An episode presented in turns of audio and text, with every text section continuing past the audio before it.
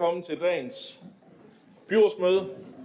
Første byrådsmøde i det nye år. Vi øh, er, også fuldsat i dag, og vi starter som altid med en sang, og i dag er det Sabrina Bæk Grøn, der har valgt nummer 475. Den hedder Smuk og Dejlig 475.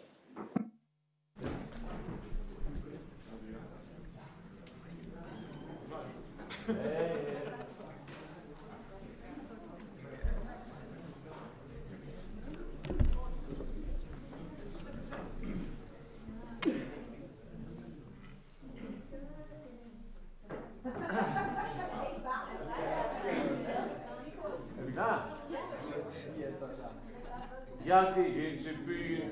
Kigge efter dig. Pludselig stod der en mængde og smilede til mig. Ja, alle folk kan se det. Du er så smuk og dejlig. Dine øjne skinner, du må hellere passe på. Ja, pas på, at ilden i mig ikke bliver tændt.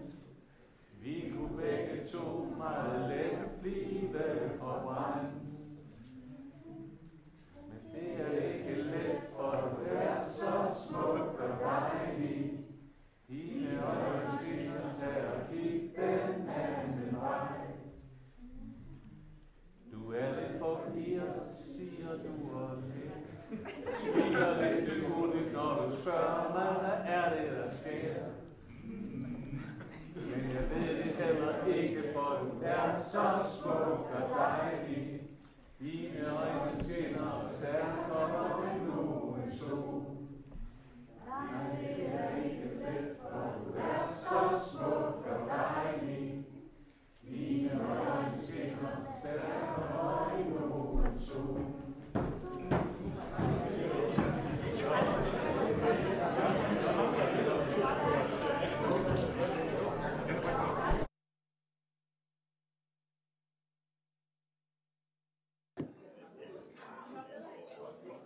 Ja, så kom vi, øh, så kom vi i gang. Det tror jeg ikke, Anne Linde kunne have gjort meget bedre. Øh, eller, eller også så kunne hun måske. Nå, men øh, vi er i hvert fald øh, startet på årets byrådsmøde, og inden vi, øh, inden vi lige går i gang med sådan det formelle, så øh, har vi faktisk øh, et byrådsmedlem, som lige har haft øh, 25 års øh, jubilæum. Og øh, det er Jørgen Alkvist, som øh, jo øh, ikke i Esbjerg byråd, men I startede i Ribe Kommunes byråd, og siden Esbjerg byråd trådte ind for 25 år siden, og det er lidt af en præstation, må man sige, at være folkevalgt i så lang tid. Så Jørgen, uden at jeg vil holde en øh, længere tale for dig, så har jeg lige en uh, lille buket og en lille gave, jeg vil komme over til dig med, så uh, den får du lige uh, som uh, erkendelse for, for det, og tillykke med, med jubilæet.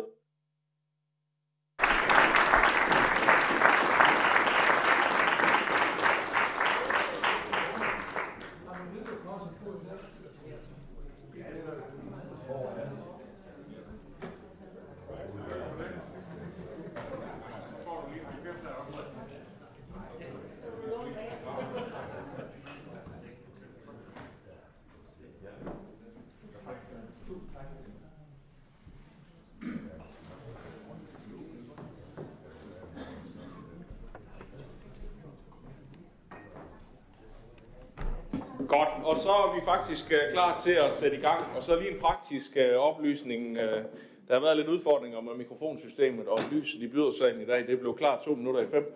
Øh, men mikrofonerne virker på god gammeldags manér, så hvis I trykker på den, så tager I ordet. Så I bliver nødt til i dag lige på, øh, som vi gjorde før i tiden, række en finger op, og så, øh, så siger jeg, hvornår I må tale, og så kan I tænde jeres mikrofon.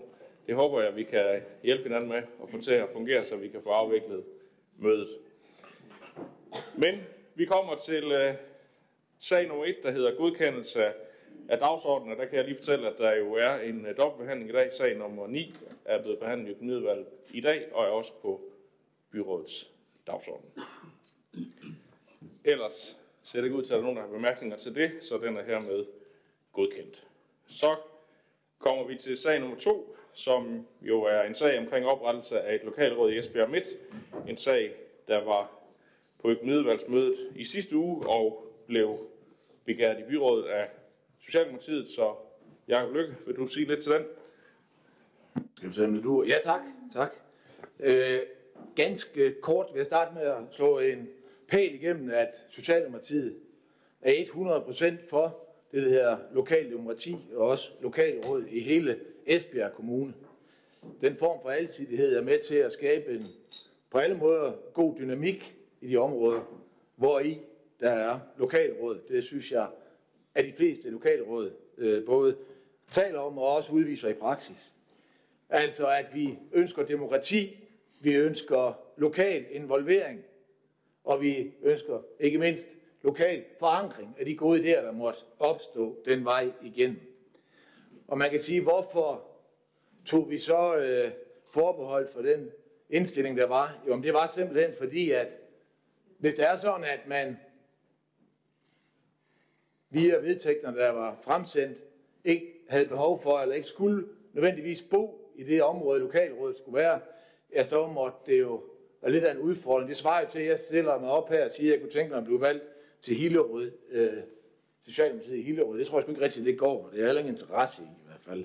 Øh, det er én ting. Noget andet det er her, at det fantastiske arbejde, der er, og har været undervejs, og pågår stadigvæk, i forhold til at lave øh, en fornuftig byplansudvikling i Esbjerg Midtby, øh, som jeg selv og mange af jer hen har været en del af, sidst var det afholdt ude på den gamle højskole, i dag Vandrehjemmet, hvor vi fik en indgående drøftelse omkring, hvordan vi ønsker udviklingen. Det, der gik op for flere af os medlemmer i Socialdemokratiet på et tidspunkt, det var, at hverken øh, by og plan eller teknik og miljø har været involveret i det her. Og det synes jeg er ikke beskæmmende. Jeg vil bare sige, at det er en udfordring. I hvert fald, hvis der er, man beder en masse mennesker om at være med til at udvikle et område, så man nu her i det her tilfælde er ved at oprette lokalråd, hvor der ikke er blevet sat nogle retninger, altså nogle afgrænsninger.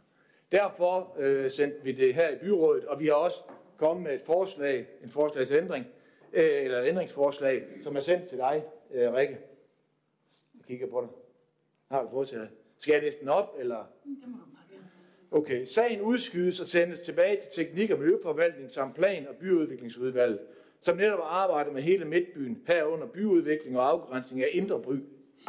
Forvaltning og udvalget har ikke været involveret i denne her sag, og det er slet ikke koordineret med det store arbejde, der pt. foregår, som jeg netop har fortalt om. Samtidig kunne lejligheden her benyttes til at justere vedtægterne, som også omtalt.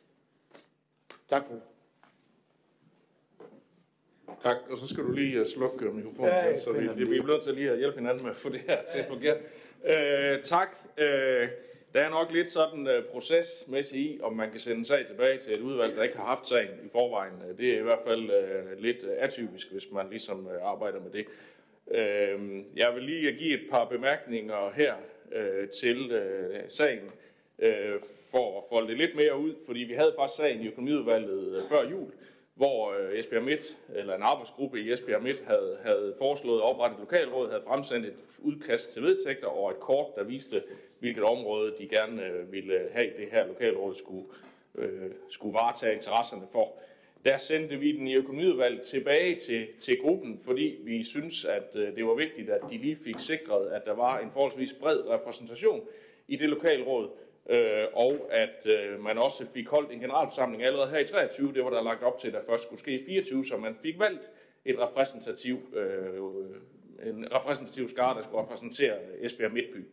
Øh, det har de imødekommet fuldstændig øh, og sendt øh, de nye øh, sæt vedtægter tilbage, som så er dem, vi behandlede i udvalget sidste øh, uge og behandler her nu. I det i der er der blandt andet skrevet ind, at øh, i de første sæt vedtægter, der stod der, at man både kunne bo og arbejde i Midtbyen, i det, vi behandler i dag, der står der direkte, at fire af dem, der sidder i lokalrådet, skal bo i Midtbyen, så man ligesom sikrer den repræsentation øh, af folk, der bor der. Vi har jo mange forskellige lokalråd øh, i kommunen, øh, og hvert område har defineret deres egne vedtægter og deres egne øh, måder at sammensætte lokalrådet på, så det er mest muligt repræsentativt for det enkelte område. Og derfor er der ikke nogen af dem, der er ens.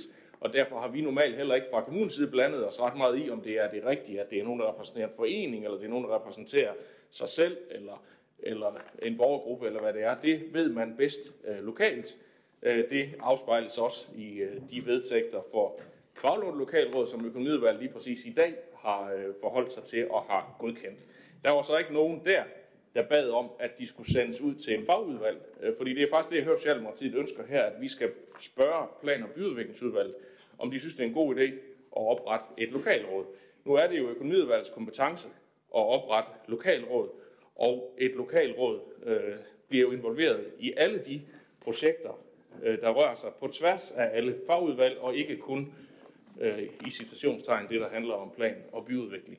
Så det virker lidt mystisk, at man så her, vi har prøvet på økonomiudvalget at forstå, hvad det var, Socialdemokratiet gerne ville, og jeg tror ikke rigtigt, det lykkedes øh, for øh, øh, resten af økonomiudvalget at forstå, hvorfor var det, at man ikke ville oprette et lokalråd. Jeg er heller ikke blevet meget klog i dag, må jeg nok sige, fordi at der kører en proces i Esbjerg Midtby, man er ved at øh, arbejde med, med byudvikling, der har man defineret et geografisk område, som det, det handler, det går også over på den østlige side af jernbanen. Øh, der er et lokalråd i forvejen, der hedder Esbjerg Øst, øh, som varetager hen til Eksensgade, sikkert øh, deromkring, hvor jernbanen skiller. Og så kommer der nu her et forslag om at oprette et lokalråd i Esbjerg Midt. Så i dag skal plan- og byudviklingsudvalg involvere lokalrådet Esbjerg Øst. Nu kommer der så, hvis ellers forslaget bliver vedtaget, et lokalråd i Esbjerg Midt. Så er der to lokalråd, man skal tænke ind i den proces sammen med alle de andre interessenter. Det skal man selvfølgelig. Øh, det forsøgte vi også på økonomiudvalgsmødet at finde forskellige løsninger til, om man ikke godt kunne tænke, øh, tage, øh, håndtere det efterfølgende i plan- og udviklingsudvalget, da vi jo kunne høre Socialdemokratiet, synes, det var vigtigt, øh, at de blev involveret. Men øh, der var ikke øh, mulighed for at finde en, en pragmatisk løsning på det, så forslaget endte så her i sådan. Så øh, det er det, vi skal forholde os til øh, i dag. Og jeg ved ikke, om Altså, jeg betragtede det faktisk ikke som et procedurforslag, det I kom med, men, men hvis det var et forslag om, at det skulle sendes, øh, øh, at, at, at vi skulle sende noget et sted hen, så er det jo normalt et procedurforslag, men her der er det jo trods alt en sag, der er, der er afgjort og begæret, øh, og begæret byrådet. Øh, så øh, der skal vi jo, tænker jeg, have den, have den afgjort her. Hans Erik Møller havde en hånd, og så bagefter Anne-Marie Geisler, og så Kurt Bjørn. Kurt, var før dig. Okay. Ja, ja, tak. Øh, for det første, så er det da et ændringsforslag. Jeg har ikke hørt nogen snakke om at sende det tilbage til nogen udvalg. Det er et decideret ændringsforslag om, at sagen udsættes, og man så sender den til forvaltningen i teknik og miljø til høring og i plan- og byudviklingsudvalget til høring. Jeg vil lige, jeg, jeg vil lige sige til dig, Jesper, at når du siger, at man har aldrig nogensinde blandet sig i lokalråd eller interessegrupper, eller hvad man vil, så er vi øh, nogle stykker, der er sat i økonomiudvalget, hvor, øh, og det tror jeg da også Jakob og andre kan huske, hvor der er borgerforeningen, der vil gerne have møder med økonomiudvalget, ligesom lokalrådene gør, og det er økonomiudvalget afvist, fordi at de ikke opfylder de kriterier, som man åbenbart ikke kan finde længere, men hvor man skal have de forskellige involverede skoler og daginstitutioner og alt muligt andet. Det er bare lige for at, rette den øh, lille misforståelse. Så vil jeg godt sige, at det er jo ikke for, at øh, plan- og bygningsudvalget eller forvaltningen i teknik og miljø skulle afgøre, om der skulle være et lokalråd eller ej. Altså, som Jakob siger, vi ser heller ikke gerne et lokalråd. Jeg ser heller ikke gerne, at for eksempel Østerbyens lokalråd ikke er så det er en stor 16.000 borgere. Man føler ikke rigtig noget, og nu bliver den så lidt mindre i dag, fordi jeg har vedtaget, synes jeg, nogle fornuftige øh, vedtægter, for øh, lokalrådet ude i Kvavlund, som jo så ikke længere er en del af Østerbyens lokalråd. Det, der ligger i vores forslag, det er helt alene, at vi arbejder, og det synes jeg hele byrådet har sagt og givet en anden håndslag på, at vi vil virkelig arbejde meget for at udvikle hele den indre by. Vi har jo også øh, lavet store øh, øh, møder for at komme frem til, at kultur og alt muligt andet skulle bære. Vi har fælles møder med udvalget, vi har temamøder, vi øh, har indsat, nedsat interessegrupper, projektgrupper, der, alle mulige skal høres, vi sikrer os mest muligt borgerinddragelse, og så videre, og så videre, og så videre. Når vi er i gang med så et kæmpe stort stykke arbejde, synes vi bare, at det kunne være fornuftigt, at vi lige koordinerer det. Jeg synes, det er lidt ærgerligt, fordi vi har brugt meget tid på at sige, hvordan definerer vi egentlig den indre by? Og den startede faktisk med, at man sagde, jamen Røkke, det skal involveres i den indre by. Og derfor blev Årets afgrænsning af den indre by, efter vi havde snakket meget om det i udvalget, den blev fra, øh, ned fra øh, havnen og ringet op, ud af Storgade til rundkørslen, hen ned ad Vestergade, slog en vej ned om Dokken, og så hen til ringen igen. Det var årets definition. Den politiske vedtaget definition af indre by. Jeg synes, at det havde været fornuftigt, hvis man så også havde snakket om at lave et lokalråd, der dækkede samme område. Når jeg så ser det kort, som er sendt med, så er jeg godt nok svær ved at se, at man tænker indre by. Altså, for mig at se, man går helt ud forbi Spangsbæk, Spangsbæk Kirkevej, helt ud til Spangsbæk Møllevej, og den vej ind. Altså, så er indre by, der godt nok ved at være noget stort. Det må jeg da sige. Så for os handler det jo kun om at give det lidt luft, så vi kan prøve at koordinere alle de tanker, der ligger her, samtidig med, at vi kunne prøve at snakke om, skulle vi ikke lave en afgrænsning? Snak med de gode folk om det. Når der så står til sidst, at vi også lige kunne justere vedtægterne lidt, så synes jeg godt, at vedtægterne kunne tåle en lille. Ja, nu kan jeg ikke forstå, at det kun vil være syv medlemmer. Slet ikke, når økonomiudvalget har sagt, at vi skal sikre os alle mulige interessenter og alle mulige foreninger, et eller andet, hvad der kan være med en, Så, så synes jeg godt nok, hvis de skal dække sig de syv, så bliver det godt nok meget, alle andre har ni, plus de nævner op, for eksempel Bramming, Handelsdagsforeningen og alt muligt. Her kunne det jo være Kongenskabeforeningen, Cityforening, Esbjerg Byforum, alt muligt andet. Men lad det nu ligge. Men når man så går hen og skriver, at man skal bo eller arbejde i Enderby, så er man valgbar. Og så kan man komme og stemme. Hvis man opfylder betingelserne for kommunevalg. Det vil altså sige sig, at hvis en arbejder ved McDonald's i Kongenskab og bor i Darm, så kan vedkommende stille op, eller servere på et værtshus, eller arbejde i en restaurant, eller en bank, en revisionsfirma, eller et eller andet. Det kan faktisk også være en, der står i Oksbøl. For der står jo ikke, at man skal kunne opstille til kommunevalget i Esbjerg. Nu kan jeg godt, at vi er inde i noget, som ren er juristeri. Jeg kender bare det der med, hvis folk de bliver uenige om vedtægter, og der står, at de skal ændres med to-tre flertal, så kan det godt være enormt svært. Alle andre steder står der rent faktisk, at man skal bo. Men derfor kan man jo godt have en hel masse interessenter med inden som tilforordnet. Så det er bare de ting, vi gerne vil have, at der bliver kigget på, og ikke andet. Tak for Tak for det. Så er det Kurt Bjørn. Ja, tak. Øh, det var sådan set, øh, jeg bad mor, fordi da, da Jacob han fremlagde, at øh, han blandt noget med Hillerød ind i, at man kunne melde sig ind i Venstre, eller Socialdemokratiet i Hillerød, så tænkte jeg bare lige, øh, i vedtægtene står der helt klart og tydeligt, at man skal bo eller arbejde ind, og man skal øh, opfylde stemmeret til kommunen, så det vil sige, at man bor her i kommunen, ellers kan man ikke blive valgt. Og det anfægtede han cirka så i det her, at, at, at man kan ikke... Øh, at hvis man arbejder ind og bor i kommunen, så kan man stille op, og det er korrekt. Det er det, der står i vedtægterne. Så kan man jo ikke bo uden for kommunen.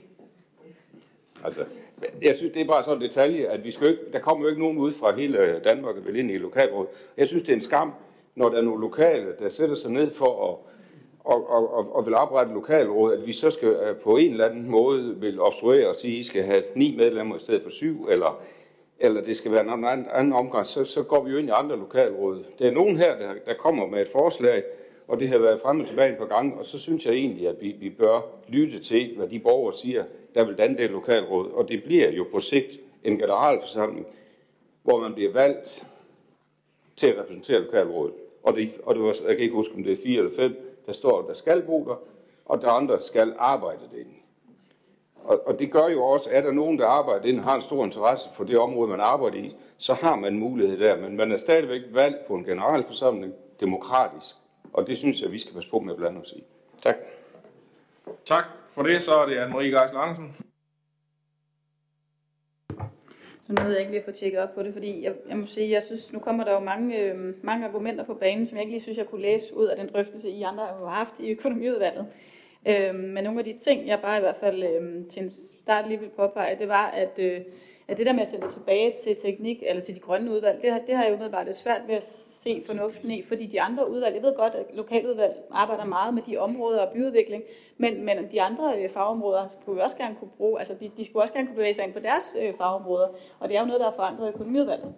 Når det så er sagt, så ved jeg ikke, om jeg måske godt kunne være med på at sende det tilbage til økonomiudvalget, for jeg synes, der er et eller andet med de her vedtægter. Den ene ting, jeg vil påpege, det er, nu siger de det er meget klart, hvem der kan være valgt, men der står jo bare under paragraf 4, som også er nævnt i sagsfremstillingen med samme formulering, så står der alle borgere med bopæl eller arbejdsplads, og som i øvrigt opfylder betingelserne for valgbarhed til kommunalvalg.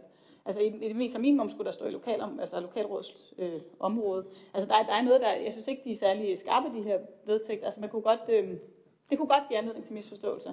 Så på den baggrund kunne jeg måske godt være med til at sende det tilbage, lige for at gå vedtægterne igennem. Og så det sidste, øh, jeg lige vil spørge til, øh, det er, at der er sådan en, øh, nu har I drøftet lokalråd for Kvavlund i dag, kan jeg forstå, og jeg vil lige nok kigge på afgrænsningen. Men så lader det til, at der er en firkant mellem øh, Kvavlunds lokalråd og øh, Østerbyen og Midtbyen. Er der nogen, der bare lige kan, kan, altså kommer der også lokalråd der, eller har vi så en firkant nu, som, som ikke har et lokalråd? For det, vi skulle jo gerne have dækket hele, hele byen, tænker jeg. Jamen, vi har enkelte områder, der ikke har et lokalråd endnu, og der er også nogen, der ikke har ønsket at have et lokalråd, som har måske en borgerforening eller andet, som de synes varetager deres interesser. Det gælder for eksempel i Jerting, øh, hvor du selv bor. Øh, så så det, det er lidt forskelligt, hvordan, øh, hvordan ønsket har været. Vi har øh, i dag øh, besluttet at oprette et lokalråd for Kvavlund, så nu er der et område mere, der har fået et lokalråd, som ikke havde det i forvejen, øh, for lige at præcisere det. Og, og så er der jo et område der, øh, Spangsbjerg-området, som øh, der måske er nogen, der arbejder med, og nogen, der ønsker, men det skal jo komme fra borgerne der, hvor de bor, at man gerne vil have et lokalråd. Det er ikke noget, vi øh, går ud og dikterer. Muligheden er der, hvis man opretter et lokalråd, hvis ellers man kan komme igennem byrådet her og få godkendt vedtægterne, så kan man få et lokalråd, og så øh, kan man jo øh, blive lyttet til og blive involveret i alle fagudvalgs øh, arbejde, når det er relevant, og derfor lige præcis som du selv sagde, ikke kun de tekniske, og derfor giver det heller ikke mening at sende sagen et enkelt sted hen, og så få en mening på, om afgrænsningen er rigtig, eller, om, eller hvad det nu var, man skulle forholde sig til. Lokalrådene øh, er øh, et, en mulighed, man har lokalt for at komme i dialog med kommunen og være et områdes talrør, uanset om det handler om dagtilbud, eller skole, eller cykelstier, eller hvad det nu måtte være. Der er flere på listen, og den næste er Hans Erik Møller. Helt, nå.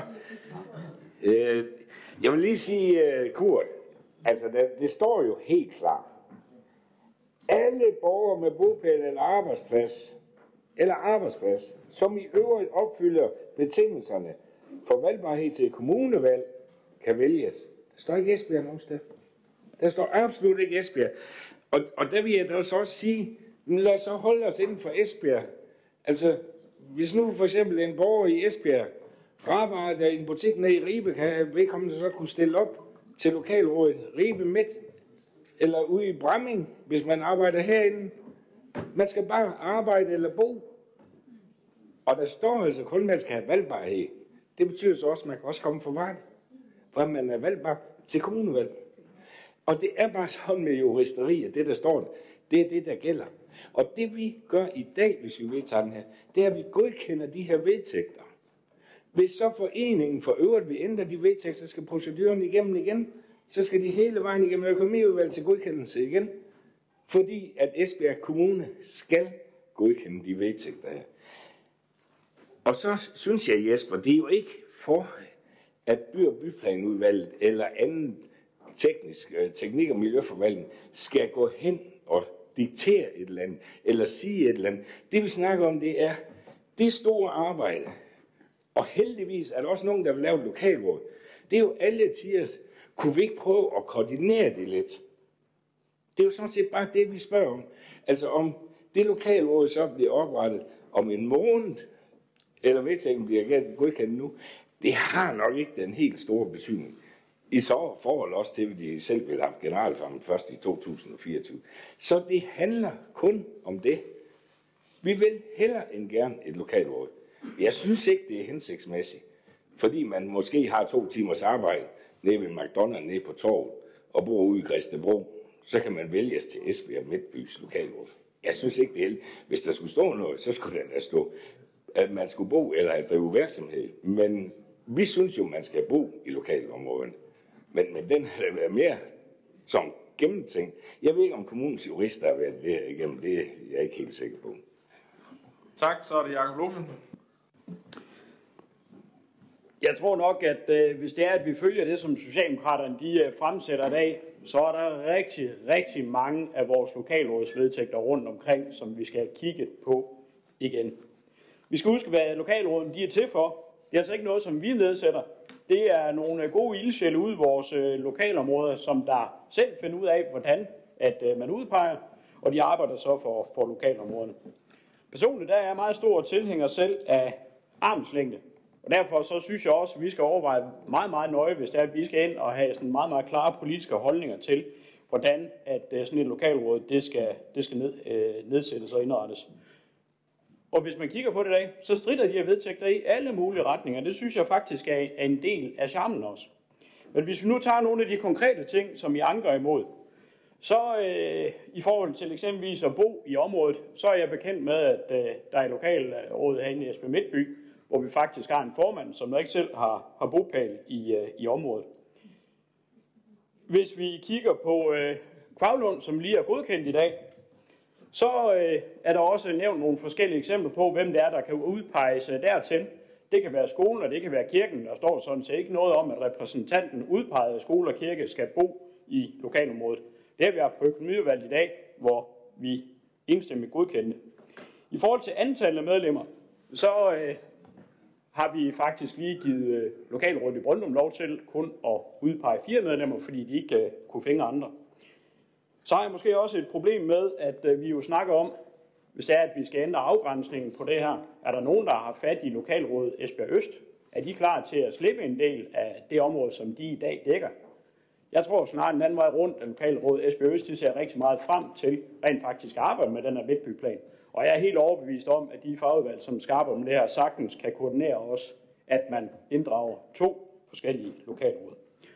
Så lad os nu lytte til de mennesker, som rent faktisk har hånden på kogepladen, og så er jeg helt sikker på, at de har tænkt sig rigtig godt om og lagt det bedst mulige sæt vedtægter frem. Så jeg synes, at sagen den er rigtig fin, som den ligger. Tak, Diana Mos Olsen. Jamen øh, i SF har vi heller ikke øh, haft noget ønske om at se den her sag i byrådet. Vi synes sådan set sagtens, at vi kunne stemme for den, da den lå i, øh, i økonomiudvalget, og det gør vi egentlig lidt af nogle af de samme argumenter, som, øh, som Jakob Lose kommer med. nu har vi jo siddet i økonomiudvalget, og jeg har samarbejdet med utrolig mange forskellige artede lokalråd, og hvis der er noget, de er, så er de vidt forskellige. Og det synes jeg sådan set er en af charmerne ved det. Jeg synes faktisk også, at den kritik, der bliver afgivet lige i øjeblikket af nogle vedtægter, som jo altså ikke er lavet af Esbjerg Kommune, de er lavet af en gruppe af aktive borgere, som har gjort det bedste, de nu engang har kunnet med kendskab til, hvordan vedtægter nu engang skal laves. Øh, og så ligger de sådan, som de gør. Og man kan sige, at nogle gange, øh, så har vores øh, lokalråd jo også slåsset lidt internt, fordi de ikke har fået nogle vedtægter, der måske harmoneret med den måde, de måske skulle have været på. Men det har de selv indtil videre forsøgt at finde ud af på bedst mulig vis. Vi har indimellem i økonomiudvalget også fået nogle henvendelser fra nogen, der havde et ønske om, at vi skulle være dommere, eller gå ind og tage stilling til, hvorvidt nogle vedtægter, de rent faktisk øh, de blev øh, levet op til det, som vi ønskede. Og der ligger ikke nogen kæmpe formkrav til præcis, hvordan vedtægterne de skal se ud, ej heller hvordan lokalrådet skal være. Og indtil vi egentlig har lavet det, det var også en del af det, vi snakkede om på økonomiudvalget, og noget af det, jeg sagde, det kunne jo godt være, at man skulle ind og kigge på, hvordan de skulle se ud. Problemet er jo bare, at nu har vi så mange, og de ser vidt forskellige ud, og det er måske en del af charmen ved det her lokaldemokrati. Øh, jeg har stadigvæk svært ved at se, hvad det er, øh, der skal gøres anderledes. Jeg har svært ved at se, hvad det er, der skal koordineres. Jeg tænker, det er en super god idé, lynhurtigt at få nedsat det her lokalråd, når nu vi har nogen, der gerne vil, sådan så de netop kan komme ind i det arbejde, kæmpe stort stykke arbejde, der skal blive lavet, så vi er flere, der rent faktisk kan komme ind og tage aktiv del i at få skabt den bedst mulige øh, midtby. Fordi sådan som jeg ser det, så kommer jeg alligevel til at skulle samarbejde med to lokalråd. Det bliver lokalrådet Midt, og så bliver det også øh, lokalrådet for Østerby. Formodentlig også flere, alt afhængig af, hvem der byder sig til. Så jeg tænker, lad os skynde os lidt at sige ja til, at, øh, at øh, vi kan få det her lokalråd, og sørge for, at øh, de her mennesker, som har givet og tage del i vores lokaldemokrati, at de rent faktisk bliver anerkendt for det, øh, og så lad os for pokker komme i gang. Ja. Tak, Karin Schwartz. Ja, tak. Men øh, igen, vi har absolut indsigt imod øh, lokalråd. Og jeg synes, at Esbjerg Kommune har en super fin øh nærdemokrati, politik også som den her læner sig op af, der står der jo også, hvad det er for øh, en sammensætning, man kan have.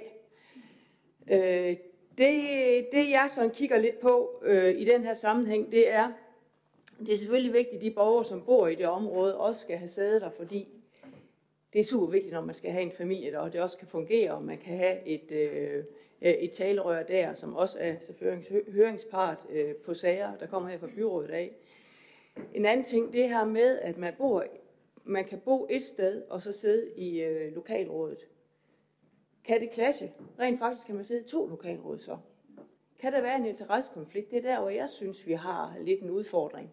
Det er, at man kan bo i Darm, arbejde i Midtbyen, og så kan man sidde i begge øh, lokalråd. Det er måske der, der kan være sådan en eller anden interessekonflikt, som jeg synes i hvert fald, man lige skal holde sig lidt, øh, lidt for øje. Men altså igen herovre fra for den her side af, vi har absolut intet imod øh, øh, lokalråd, øh, tværtimod. Tak. Jeg synes, det ville være fantastisk, hvis der er borgere, der kunne få, få tænkt sig at engagere sig i flere lokalråd. Det er jo det, der er hele grundlaget i, for at man får nogen ind i et lokalråd. Det er nogen, der gerne vil.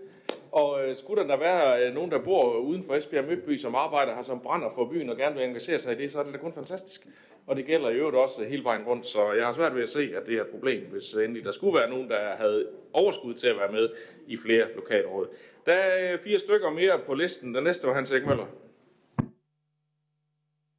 Ja, tak.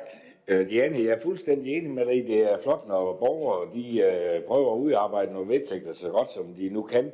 Og, og, og det støtter jeg fuldstændig op om. Ligesom jeg altid også har støttet op om, når vi for, som kommune, vi skal godkende de her vedtægter, så har vi også en forbandet forpligtelse, synes jeg, til at hjælpe borgere. Og derfor, når det kommer med et forslag til vedtægter, måske lige skimme dem igennem og sige, at ah, ah, den her, vi ved godt, I har gjort det i absolut bedste mening, men det var måske smart at skrive sådan, sådan, sådan, for det, det, det er meget juristisk. Sådan har jeg det for øvrigt også, når borgere de kommer op med en eller anden ansøgning om et eller andet, de vil tilbygge derhjemme eller noget, så er kommunen jo ikke kun ude på at sige ja eller nej. Vi skal også være en serviceorgan for alle vores borgere. Det, det synes jeg, det er utrolig vigtigt at hæfte sig ved. Og så kan jeg høre i at du synes, det ville være fint, hvis alle de andre lokalområder, de ophævede det der med, at man skulle bo i lokalområdet, så vi kunne på kryds og tværs, øh, hvis man er ret interesse i, hvis man bor i, i Esbjerg, så gerne sætte i Bramminger og Darm og Ribe og lidt. Og det er fint. Det, er, det, det er selvfølgelig en, en helt fin mening. Jeg synes bare lige, jeg vil sige til dig, Jacob. Altså, en ting, jeg, nu, nu har jeg prøvet at kigge mange vedtægter igennem. Der står for mig at se, for at blive valgt til lokalrådet, skal man bo. Og så står der, at man kan udpege nogen fra handelsforeninger, skoler og alt muligt. Og de varetager jo decideret det, de er udpeget til. Og derfor synes jeg, at det kunne jo også være fint i Esbjerg Indre By, at for eksempel Kongenskabforeningen, Cityforeningen, Esbjerg Byrum, Byform, og hvad ved jeg, kunne udpege nogen. Men du blander lige det der med at blive valgt og blive udpeget sammen, Jacob. Det synes jeg bare. Det er ærgerligt, synes jeg, for det gode samarbejde, at man øh, ikke har kunne finde ud af her, og prøve lige, i hvert fald høre, er der noget, vi kunne koordinere? Hvordan ser I lige på det i teknik og miljø? Måske også i fagudvalget. Men det kunne jeg forstå. Sådan er det ikke. Og det er jo fordelen, at vi altid bare kan køre sit flertal igennem. Så det må vi leve med. Tak for det. Jeg er nødt til lige at sige, at øh, der blev nok brugt øh, cirka en halv time på økonomiudvalgsmødet. Prøv, prøve på at finde en løsning, sådan at vi kunne øh, finde ud af at samle som det her undgå at skulle stemme om det, undgå at skulle have det i byrådet. Det kunne simpelthen ikke lade sig gøre, fordi det var det jo ligesom om, der var nogen, der mødte op med et bundet mandat. Men øh, vi har tre mere på listen, og næste er Tommy Nord. Ja, jeg kan jo så snakke ud fra nogle gode erfaringer, vi har haft lokalråd i Sønderrigs i 20 år, det virkelig har fungeret. Et af vores målsætninger, det har været, at de institutioner, der er i området, de skal være kulturbærere i området også. Og det vil så sige, at vi kan godt have en leder af en institution, som bor i en anden kommune, men det er så utrolig vigtigt, at de er en del af lokalrådet. Og så kan man så sige langt hen ad vejen, hvis vi ikke har haft det, jamen så, har vi, så har vi ikke fået alle de der input fra de institutioner, skoler, og det kunne være Midtgård, der bor, hun bor på Fanø, hende der var leder derovre, hun er også en del af vores lokalråd. Ikke? Men hvis der er man er tvivl nu, så har man mulighed for at lave en forretningsorden og præcisere, hvad er det, man gerne vil. Og det har vi en forretningsorden. Vi selv som udarbejder som lokalråd, hvad er det, der skal til for at optimere vores arbejde i lokalrådet. Lav en forretningsorden og beskriv de der ting, så vi er ude over det her problem. Tak for det. Tak for det, Anne-Marie lige sige, at jeg er helt enig. Jeg synes, det er dejligt også, at der er flere borgere, der vil være engageret i natteprinsippet i form af lokalråd. Og så vil jeg bare sige, at jeg køber sådan set øhm, de, altså den argumentation, der har været i forhold til de ting, vi har drøftet i dag, som jeg ikke havde forholdt til mig, inden jeg kom i aften. Øh, og jeg tænker, at den, den formulering, jeg nævnte, øh, den kunne stå skarpere, men, men det er uddybet nedenunder. Og det, de har selv formuleret vedtægterne. Skulle der komme problemer, så regner jeg med, at de vender tilbage. Og jeg tænker også, at øh, beboerne har jo stadig flertal. De kan jo også vælge formand iblandt dem selv, som også, jeg mener, hvis stemmen tæller dobbelt. Så på den måde, hvis der skulle være en interessekonflikt, så, så er det jo stadig beboerne i, øh, i området, som, øh, som har flertallet. Så jeg, øh, jeg kan godt øh, stemme for. Jeg vil meget gerne stemme for. Tak, Jørgen Bosen Andersen som sidste mand.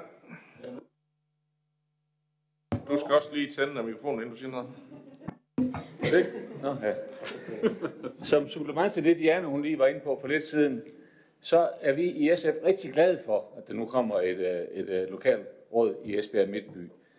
Det har der faktisk, øh, det har vi faktisk manglet i lang tid. Og det er da fint, at der er nogen, der springer til. Da vi sad i, jeg var med i Plan- og Miljøudvalget sidste periode, og der arbejdede vi meget på at få borgerne inddraget, når vi skulle udvikle Midtbyen. Og det har vi så fået en rigtig god sparringspartner med nu her, når der bliver lavet et lokalråd i Midtbyen.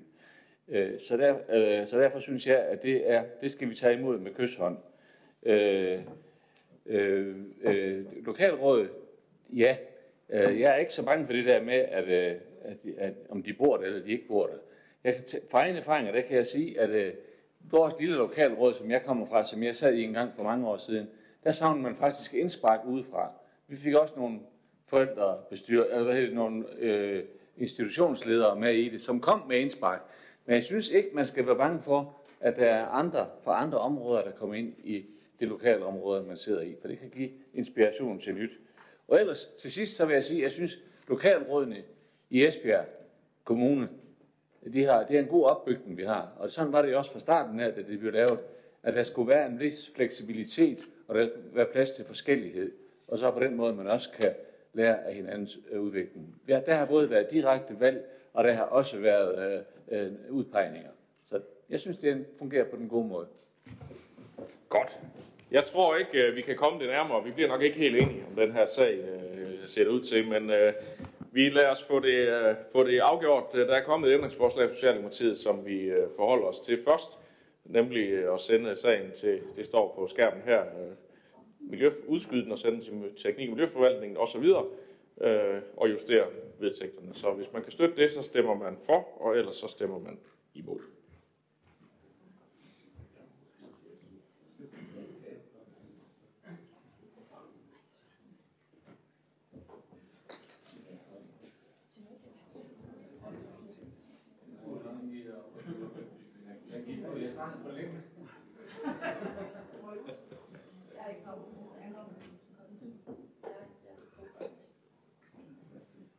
Så nærmer vi os.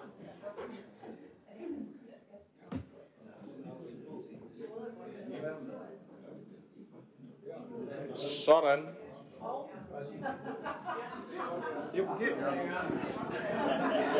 Så lykkedes det også at få stemt. Der var 9 stemmer for, 22 imod, og dermed falder ændringsforslaget.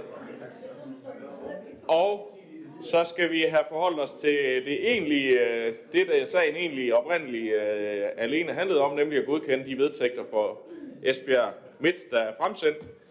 Og kan man godkende dem, så stemmer man for, og ellers så kan man stemme imod.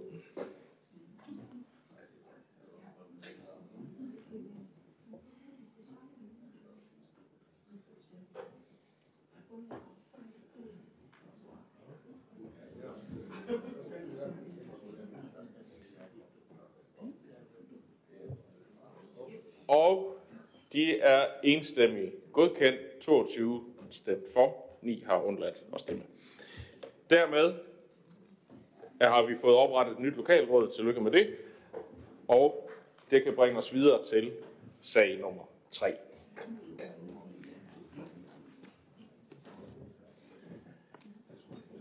Sag nummer 3 handler om øh, status på Vision 2025 Vækst og Velfærd for 2022.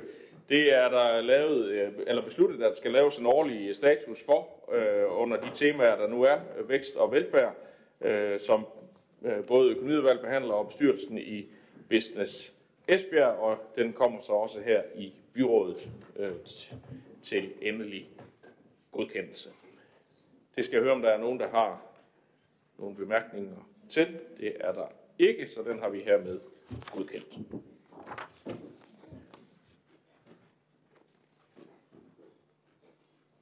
Og vi kommer videre til sag nummer 4, som er en øh, sag, der handler om øh, forpligtende samarbejde omkring sagsbehandling af ansøgninger om sygedagpenge for Fanø Kommune. De ønsker at indgå øh, endnu en aftale, kan man sige. Vi har jo en del aftaler i forvejen med Esbjerg Kommune omkring et forpligtende samarbejde vedrørende det, der handler om at udbetale sygedagpenge. Øh, Esbjerg Kommune er positiv over for overtagelsen af opgaven, og øh, den blev løst af borger- og arbejdsmarkedet, og det forventes, at der er cirka 25 sager om ugen, og det var økonomiudvalget ind i, at det var en god idé, da den også blev øh, behandlet der i sidste uge. Og det er der ikke nogen her, der har nogen bemærkninger til, så det kan vi hermed også godkende. Det bringer os videre til sag nummer 5, som handler om indstilling af kandidater til bestyrelsen for Nationalpark Vadhavet.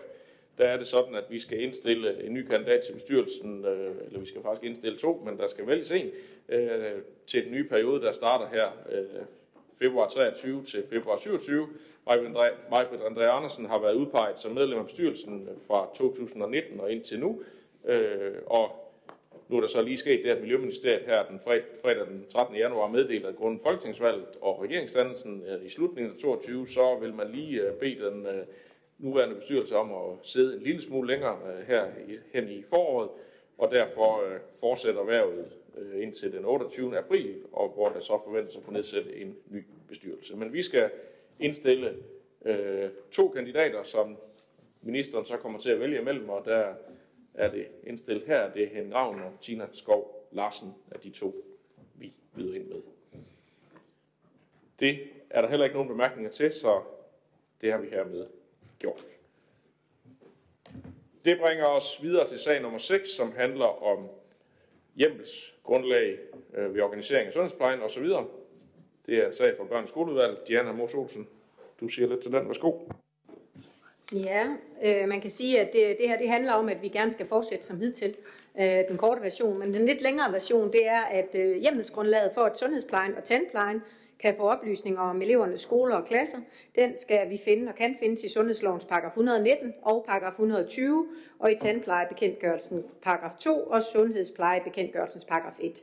Og ifølge de her bestemmelser, der øh, kan kommunalbestyrelsen beslutte at etablere forebyggende og sundhedsfremmende tilbud til elever, som skal sikre børn og unge en sund opvækst og skabe nogle gode forudsætninger for en sund voksentilværelse. Og tilbudene de skal tilrettelægges, så der dels ydes en generel forebyggende og sundhedsfremmende indsats, dels en individorienteret indsats, der retter sig mod alle børn, samt en særlig indsats, der, indsats, der specielt tager sigte på børn med særlige behov.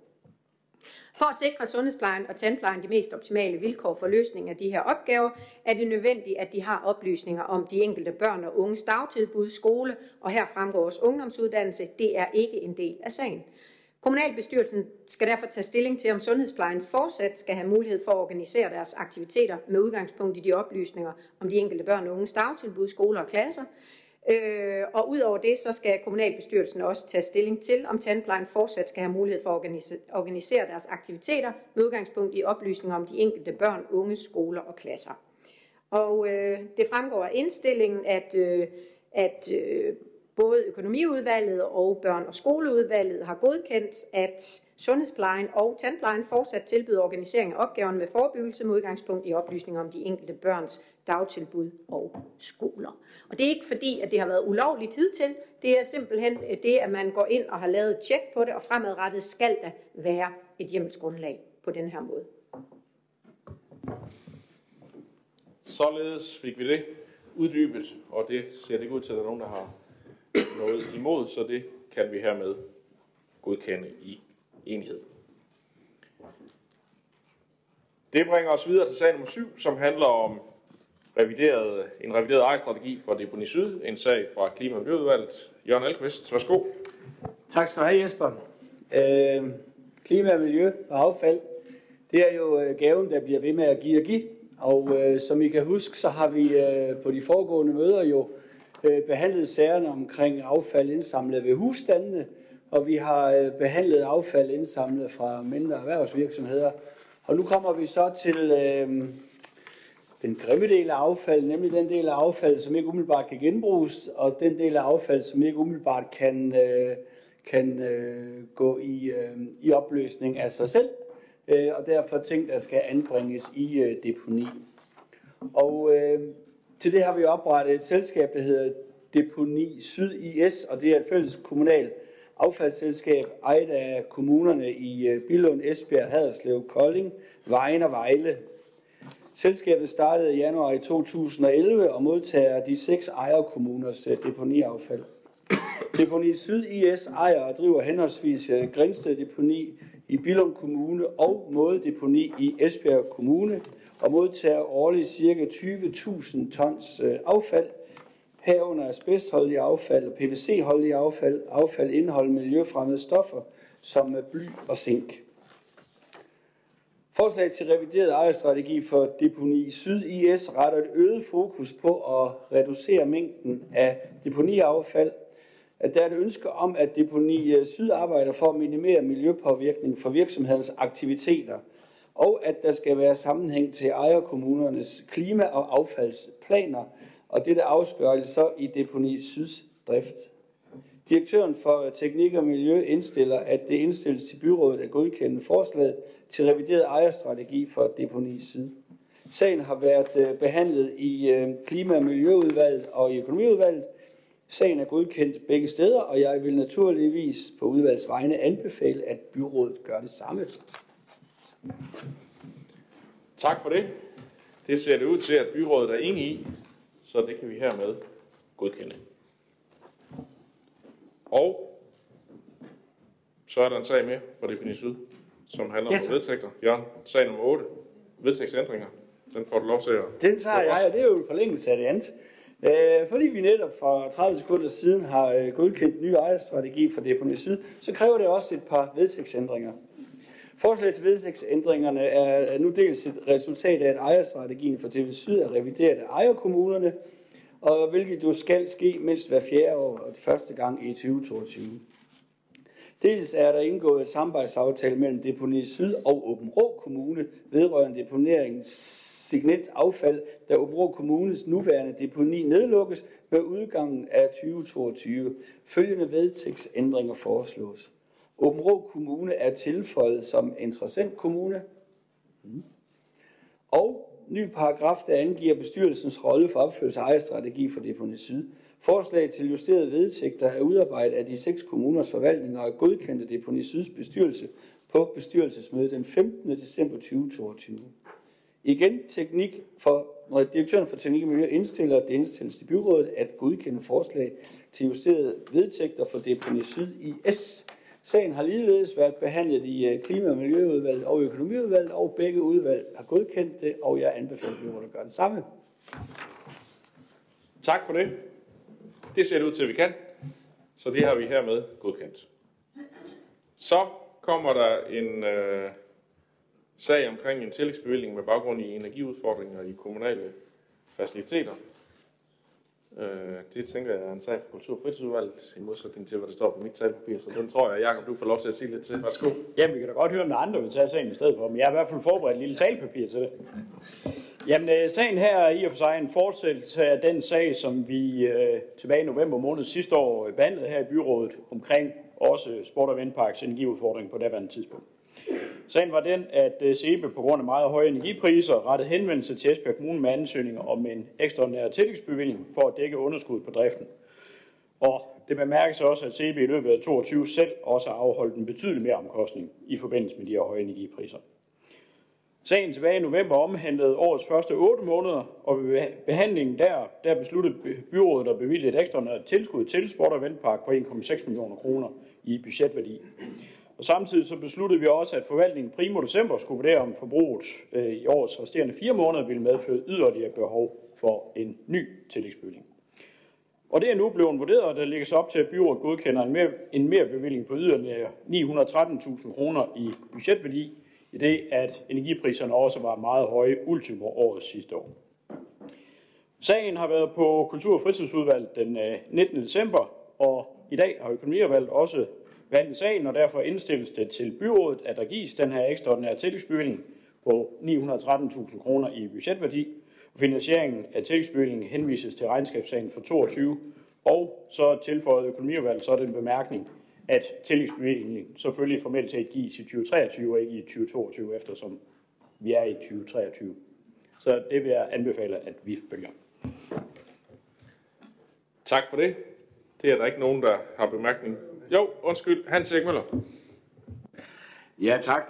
Jamen, øh, det er jo fuldstændig korrekt, og jeg agter heller ikke at stemme imod. Det er slet ikke det, det drejer sig om. Jeg vil øh, faktisk, du, du svarer faktisk næsten på det spørgsmål, jeg, jeg vil stille øh, til sidst, men jeg vil da ikke undlade at sige, at jeg kan da godt huske øh, Ukraine-krigen og alle de der øh, priser, energipriser, der kører op og ned, og det gør også, også anledning til en lang, lang debat på sidste udvalgsmøde, der var det så kollektiv trafik.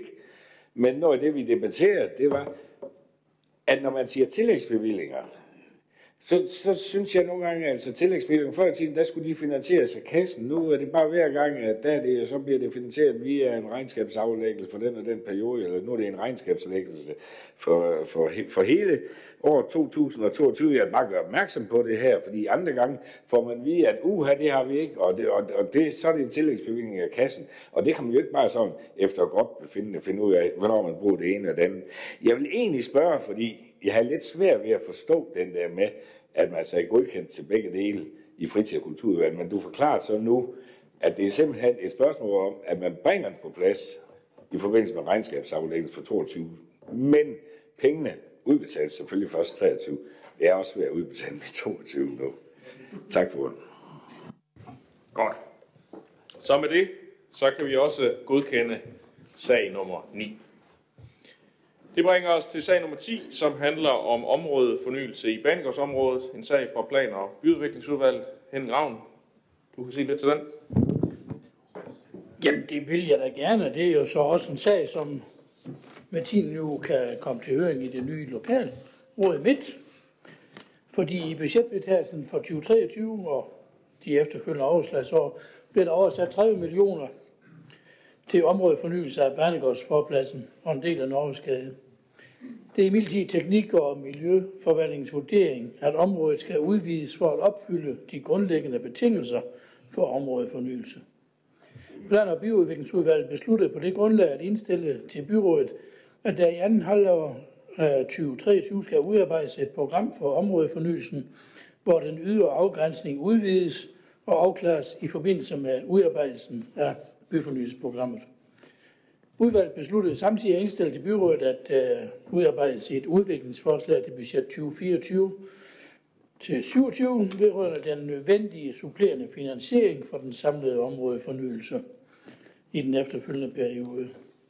Formålet med disse indstillinger skal ses i sammenhæng med indsatsen i Vision 2025, processen for at styrke Midtbyen og understøtte udviklingen af Esbjerg som kultur- og oplevelsesby.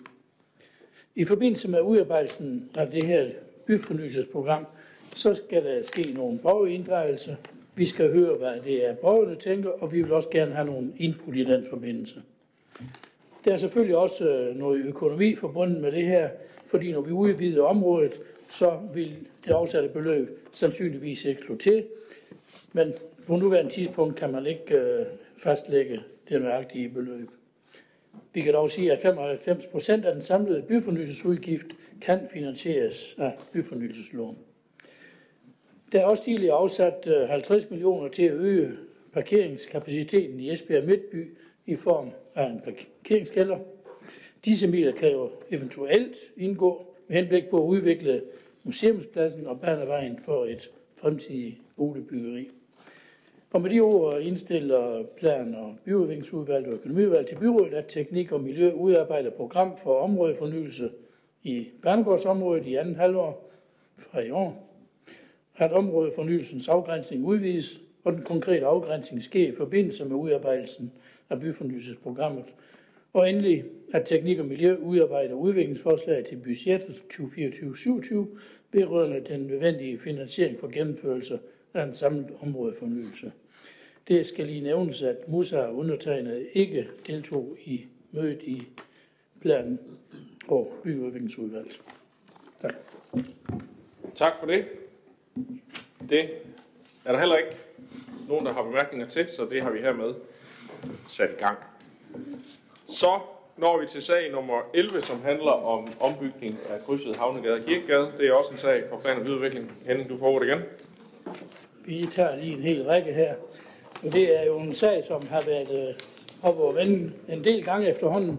Havnegade blev ombygget i 2017 og fremstår i dag som en slags flot promenade med blandt andet udsigt over havnen, udsigt til vandtårnet og musikhuset, og også fremover vil der blive udsigt til byens bjerg, som vi tidligere har vedtaget. Samtidig med renoveringen af Havnegade blev også krydset ved Kirkegade ændret, blandt andet for at sikre de gående. Og i den, for, i den forbindelse blev de her famøse jernpuller der opsat. Jernpuller, som står imod alt. De har kostet mange bilejere, eller også deres forsikringsselskaber, mange tusinde kroner. Busser og lastbiler har set fastklemt, når de har forsøgt at forsere krydset fra Kirkegade. Visuelt blev og er Havnegade jo flot med de nuværende chaussesten og så videre. Men de hævede flader, hvor chaussesten, brosten og bordusten, betyder også, at der er rigtig meget vejstøj til stor gene for de omboende. Det var også hensigten med den udformning, som den har, at det skulle nedsætte øh, hastigheden ganske væsentligt, men det har ikke haft den helt ønskede effekt. Så samlet set betyder det, at belægningsstenene nu ønskes fjernet for at reducere vejstøjen. De to jernpuller, der, der ofte påkøres, det kan man være se, når man går ned og kigger, fjernes, og fortorvet i det nordvestlige hjørne omlægges for, at fodgængerne kan lede sikkert over Havnegade, plus at der bliver en del andre fællesmæssige foranstaltninger, og det laves jo selvfølgelig efter aftale også med politiet. Det bliver samtidig undersøgt, om det er muligt at lave en, en, et egentligt forbud mod, at lastbiler og busser kører ned i den ende af Kirkegade. Fordi det er noget skidt, når de alligevel ikke kommer ud igen. Der vil også øh, pågå nogle undersøgelser øh, i den her forbindelse øh, for at nedbringe øh, øh, for at finde nogle tiltag til at nedbringe hastigheden i Havnegade. Og så har vi nok en udfordring, fordi vi har jo et cykelløb, som har opløbsstrækning øh, i Havnegade. Og det er måske ikke hensigtsmæssigt, at vi nu laver stationære bump, men det er sådan noget, vi må lige prøve at undersøge i den her forbindelse. Byrådet afsatte jo 1 million til formålet, og derfor er indstillingen fra plan by- og byudviklingsudvalget og økonomiudvalget, at der frigives en anlægsbevilling på 1 million i 23, finansieret af det til formål afsatte rådighedsbeløb. Og her deltog Musa og jeg heller ikke i udvalgsmødet. Tak. Der var en kommentar fra Anne-Marie Græs Lansen. Værsgo. Kommentar. Jeg sidder ikke i udvalget og økonomiudvalget. Hvad hedder det? Og det, nu var du inde på det til sidst, Henning, det her med cyklister, fordi det, jeg ville spørge til, det var, at man ikke havde overvejet måske også at, at tænke cyklisterne en lille smule ind i Havnegade. Ja. Og nu kan jeg forstå, at man tænker cykelløb ind, men jeg tænker bare, hvad med de lokale borgere og øh, cyklister? Jeg har altid undret mig over, at man ikke lavede en cykelsti dengang, man øh, gjorde Havnegade så fint. Man lavede sådan nogle kanter, som var, det ikke var særlig, øh, man, man i hvert fald ikke havde lyst til at lande på, i hvert fald ikke, man ikke havde cykelhjelm på. De er så fjernet heldigvis. Og så har jeg virkelig også mange gange tænkt over den der blomsterkasse. Jeg skal ikke komme hjem en, en mørk aften der og tage den fra landgangen og ud øh, og skulle ud på den der supercykelsti, vi har lavet i Kirkegade. Øh, men nu udvider man så, kan jeg forstå, de der blomsterkasser, så det bliver endnu sværere for cyklerne. Så det er egentlig bare en opfordring til også at huske, at vi jo også, tænker jeg, øh, har snakket meget om, at vi gerne vil fremme cyklismen i, øh, i Esbjerg by. Det var egentlig det eneste, men jeg skal nok øh, støtte sagen. Tak. Vi får nok ikke det hele for en million her, men øh, i hvert fald øh, er det jo nogle øh, relevante pointer at bringe ind i, øh, i drøftelserne. Vi øh, godkender sagen her og går dermed videre til sag nummer 12, som handler om forslag til kommuneplanændring for vedvarende energianlæg. Det er jo også en sag fra plan- og byudviklingsudvalget, men der har dog været øh, en del forarbejde i klima- og miljøudvalget, så men Henning, du får lov til at fremlægge den her. Værsgo. Ja, og der har jo formentlig slet ikke været nogen grund til, at jeg skulle forelægge en sag for byrådsmedlemmerne til det temamøde. Men til ære for os vores øh, tilskuere, så synes jeg alligevel, at jeg vil knytte nogle ord til det her. Fordi det her forslag til kommuneplanændring, det vedrører jo ikke udlæg af arealer til vedvarende energi, men det fastlægger de overordnede rammer for, hvordan den videre planlægning for disse anlæg skal foregå. Og der er jo ikke øh, på nuværende tilknyttet nogen økonomi i det. Der i 2022 kommer et yderligere fokus på klimakrisen, vel som følge af blandt andet krigen i Ukraine. Også fokus på en hurtigere implementering. Folketingets flertal har således besluttet, at der skal ske en firedobling af produktionen fra solceller og vindmøller på land, og kommunerne har til opgave at sikre, at der er et plangrundlag for det. Og hvis ikke vi selv finder ud af det, så kommer de jo og hjælper os, og det er vi ikke lige så begejstret for. Den her sag det er så et skridt på vejen i det, vi skal have fastlagt de her retningslinjer for, hvordan det skal foregå. Der er udarbejdet en miljørapport, der forslaget er omfattet af reglerne om miljøvurdering. I miljøvurderingen indgår natur og grønne områder, vand- og klimatilpasning, landskab og kulturarv, rekreative områder, fritidsliv, arealforbrug, menneskets sundhed og de øvrige tekniske anlæg og trafik, så tror jeg også, vi er godt dækket ind. Det er Esbjerg Kommunes vurdering, at øh, vedvarende energianlæg vil være med til at reducere CO2-udledning og dermed have en positiv miljøpåvirkning, og samtidig vil det være med til at nå kommunens mål om at blive CO2-neutral i 2030. Forslaget er udarbejdet på baggrund af fællesmøder med deltagelse af plan- og byudviklingsudvalg og klima- og miljøudvalg, men da kommuneplanændringer ligger i plan- og byudviklingsudvalget, så er det her sagen ligger. Forslaget har i perioden fra 11. til 27. november i 2022 været til en offentlig idéhøring, og der indkom 63 bemærkninger. Ikke uventet var der både positive og negative bemærkninger, og bemærkningen er helt eller delvis medtaget i forslaget. Indstillingen til byrådet fra plan- og Byudviklingsudvalget og Økonomiudvalget lyder, at forslaget til kommuneplanændringen om vedvarende energianlæg, solceller og vindmøller sendes i offentlig høring i 8 uger, og et forslag til miljørapport, miljøvurdering af kommuneplanændring for vindmøller og solenergi ligeledes sendes i offentlig høring, og i beslutningen indgår det, at ordet kompensation erstattes af honorar, honorering i retningslinjerne i planforslaget, og at der afholdes et offentligt møde i høringsperioden. Her deltog Musa Uto og undertegnet heller ikke i behandlingen af sagen i plan- og byudviklingsudvalget. Det er utroligt, de kunne finde ud af det uden men øh, det er gået, og i økonomiudvalget tog liste D forbehold. Tak. Tak for det. Så er det Jørgen Alkvist. Tak skal du have, Jesper. Og med mikrofon lige, gerne. Så er den der. Tak for det, Jesper. Henning, grunden til, at det gik så godt i udvalget uden dig, det er fordi, at øh, Klima- og Miljøudvalget har gjort arbejdet så fantastisk og flot. Øh, og jeg skyldes lige, at jeg vil sætte på på, hvorfor øh, vi har arbejdet med det et år i vores udvalg, og det er rigtigt, hvad du siger. Øh, nu er den over ved jer. Øh, vi har arbejdet med indsatserne, og vi har haft møderne med, med, med mange berørte borgere og virksomheder. Og nu er vi kommet dertil, hvor vi i Esbjerg Byråd begynder at snøre sækken, og det betyder, at nu går vi ned i planafdelingen. Derfor ligger den over i, øh, i det andet udvalg lige nu. Der er ingen tvivl om, når vi kigger tilbage, jeg går ikke 25 år tilbage, tak for blomsterne for øvrigt, jeg går ikke 25 år tilbage nu, bare et enkelt år. Da vi startede i Klima- og Miljøudvalget, der var vi godt klar over, at der var nogle kæmpe opgaver for os, fordi det er ingen hemmelighed, at i og med, at vi ønsker at opstille øh, vedvarende energianlæg som øh, vindmøller og solcelleanlæg, så er det noget, rigtig mange mennesker har en klar holdning til, øh, og det er sjældent af den gode slags.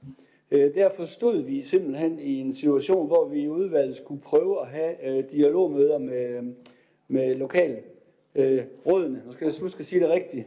Øh, dem, der var, dem, der er rundt om i kommunen, for at ud få en snak med dem, for de vil typisk jo være borgere, vi kommer til at træde over tæerne med de indsatser, vi gør nu.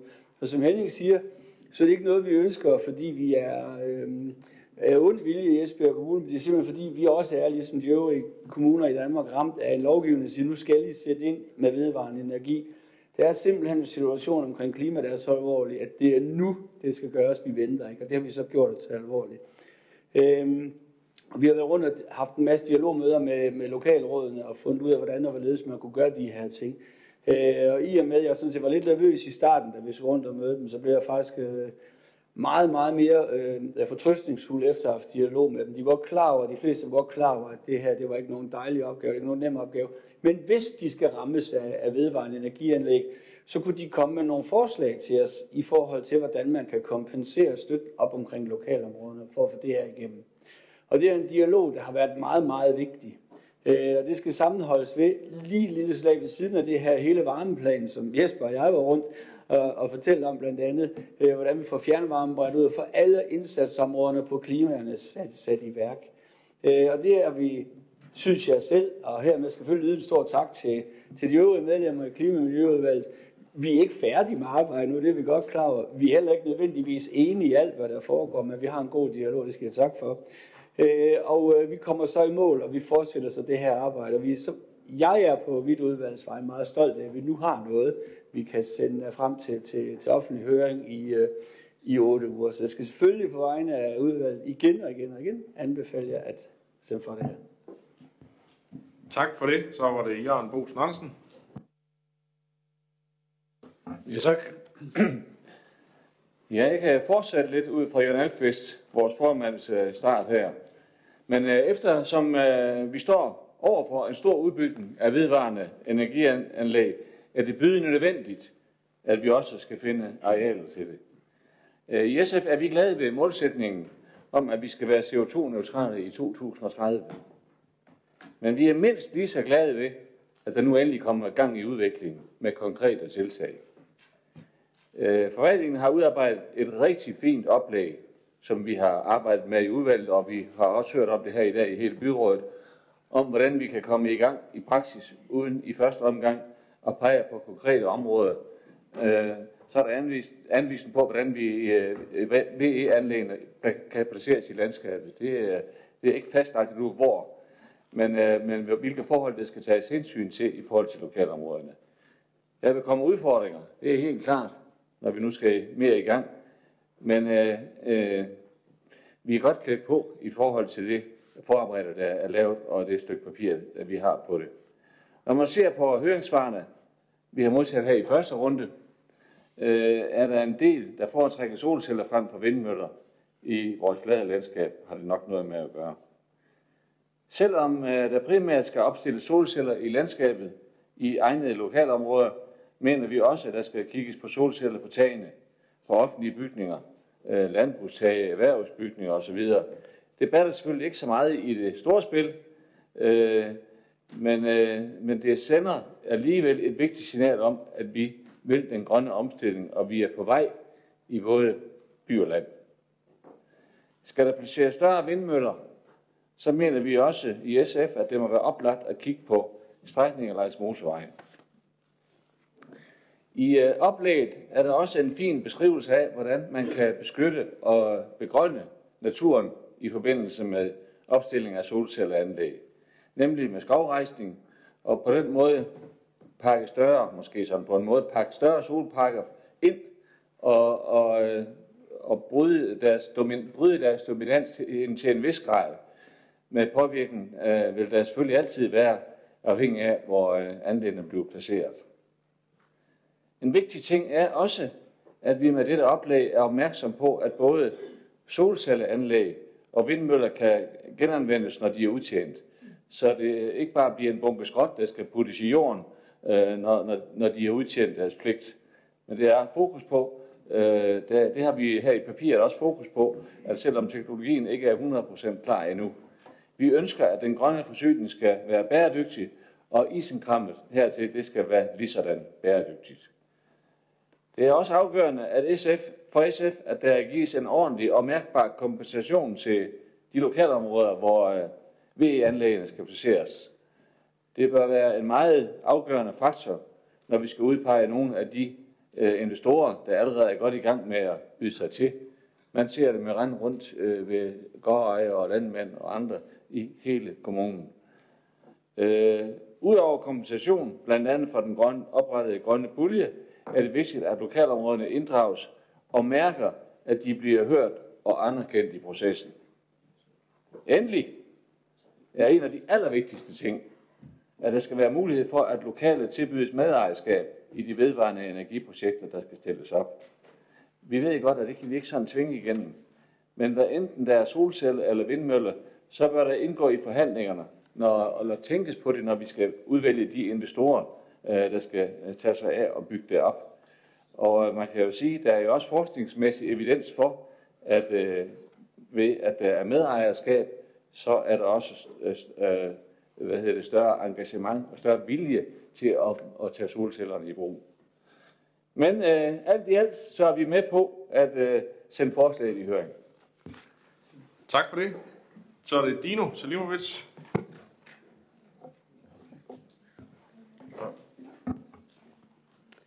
Den grønne omstilling buller af, og vi har i Esbjerg Kommune sat et mål, der hedder sig, at vi skal være CO2-neutrale i 2030. Jeg er glad og stolt af at være en del af denne proces, da den grønne omstilling i disse tider har fået tilføjet en ekstra dimension, som ligger ud over klimaforandringerne. Tingene har nemlig ændret sig. Verdensordenen har rykket sig, og energipolitik er også blevet sikkerhedspolitik. Det betyder, at jo mere selvforsynende vi kan blive, jo mindre afhængige er vi af udlandske staters energiressourcer, såsom russisk gas for eksempel. Det i sig selv er et utroligt vigtigt argument for at gennemføre vedvarende energiprojekter, men vi må ikke glemme, at CO2-neutralitet også handler om at løse klimaudfordringerne. Derfor er det vigtigt, at vi lokalt gør vores del, således at kloden kan efterlades i en bedre stand til fremtidige generationer. Om det viser sig at være ved hjælp af vindmøller, solceller eller eventuelt hybridanlæg, kommer til at handle om de konkrete projekter og den lokale opbakning. Jeg fornemmer heldigvis, at der er bred opbakning hos borgerne og virksomhederne i Esbjerg Kommune, og jeg oplever, at lokalrådene er aktive medspillere i forhold til at finde bæredygtige løsninger i fællesskab. Det vidner om, at vi alle er blevet bevidste om vores fælles ansvar. Derudover skal man huske, at den grønne omstilling også bidrager med massevis af arbejdspladser, som kommer Esbjerg Kommune til gode. Derfor er vi i det konservative Folkeparti selvfølgelig indstillet på at sende sagen i offentlig høring. Tak for det. Så er det Sabrina Bækgrøn. Mange tak for ordet. Øhm, alle, der kender mig, de ved også, at jeg er direkte modstander af tvangspålagte opgaver udstået af et flertal for Christiansborg. For hvad ved de helt specifikt om vores kommune? Øh, politisk er jeg gennemgående uenig i, at der skal opsættes 1600 hektar solceller, hvoraf der kan vi ca. 29 hektar på tage, øh, som, som er en større udskrivning for boligejerne, eller en opsætning af 43 vindmøller med en totalhøjde på 198 meter, alternativ 173 vindmøller af 125 meters højde.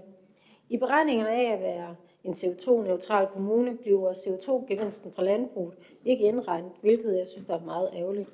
I stedet vil man hellere lægge solceller på naturskønne arealer og sætte vindmøller op, altså elementer, der ikke kan nedbrydes.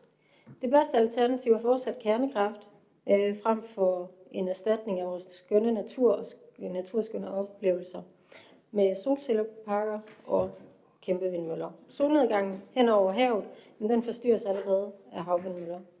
Alle har naturligvis deres fri ret til at etablere solceller på deres tage, eller få sig en husstandsvindmølle, så længe det ikke er til direkte scene for naboerne.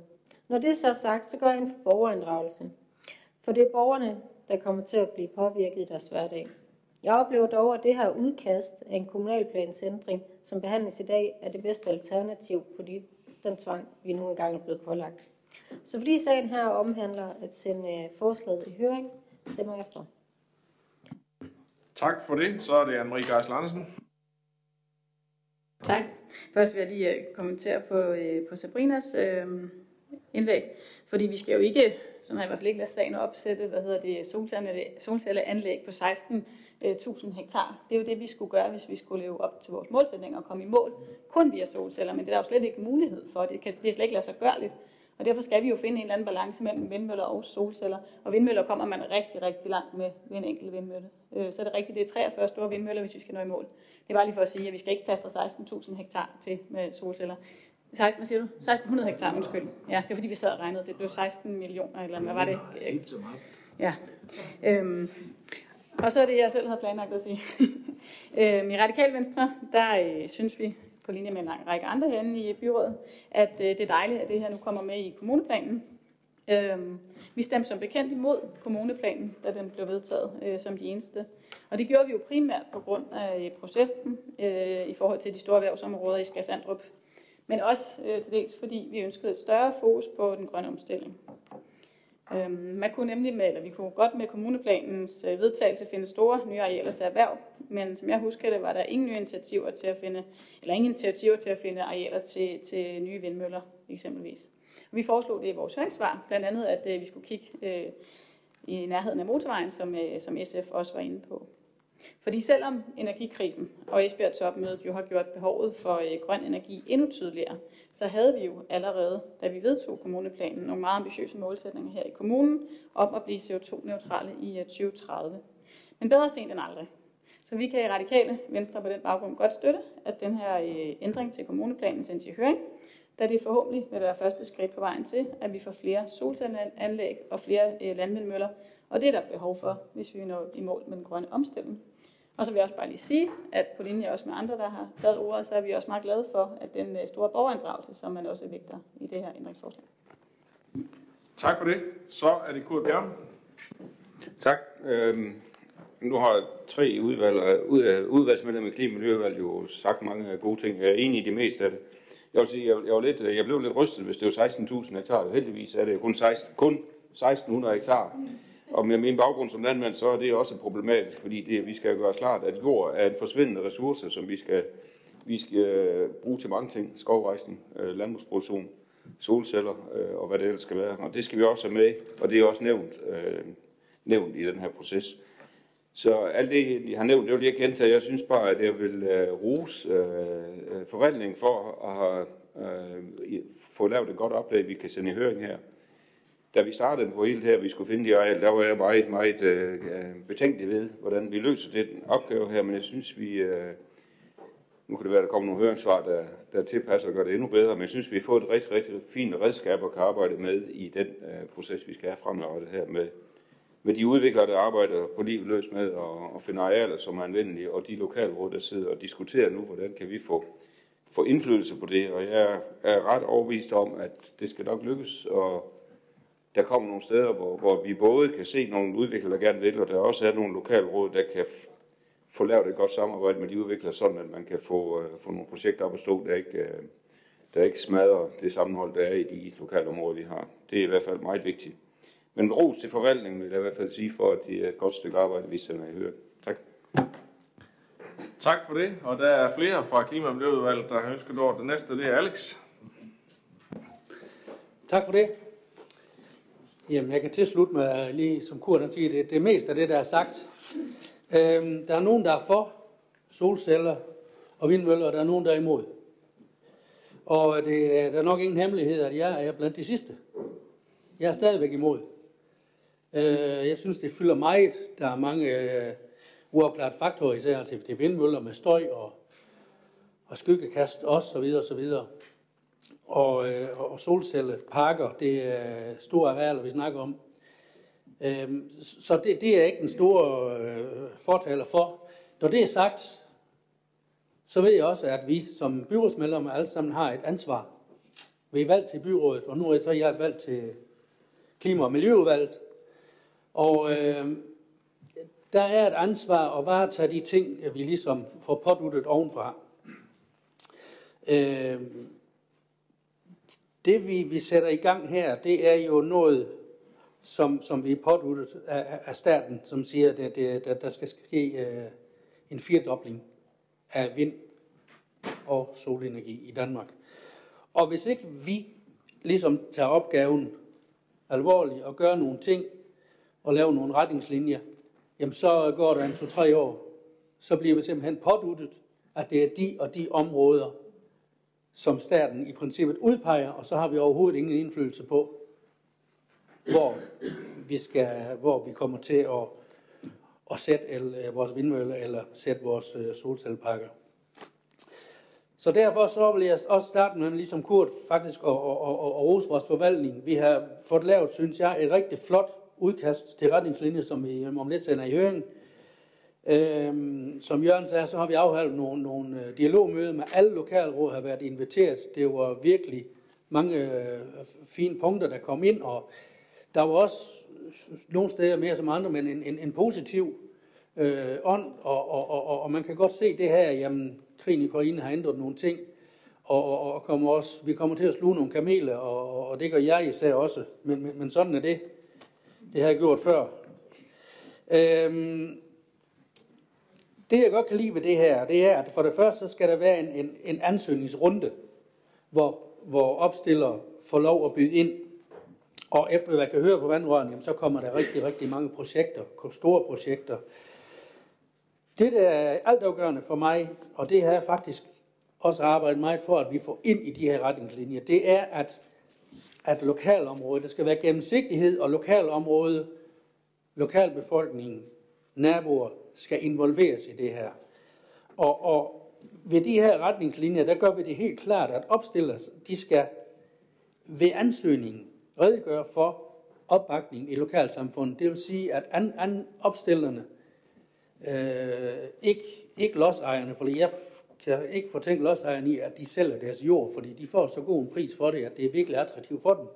Men at opstillerne, de faktisk skal angive og redegøre for, allerede når de ansøger om projektet, hvad de egentlig har forhåndsaftalt med lokalbefolkningen.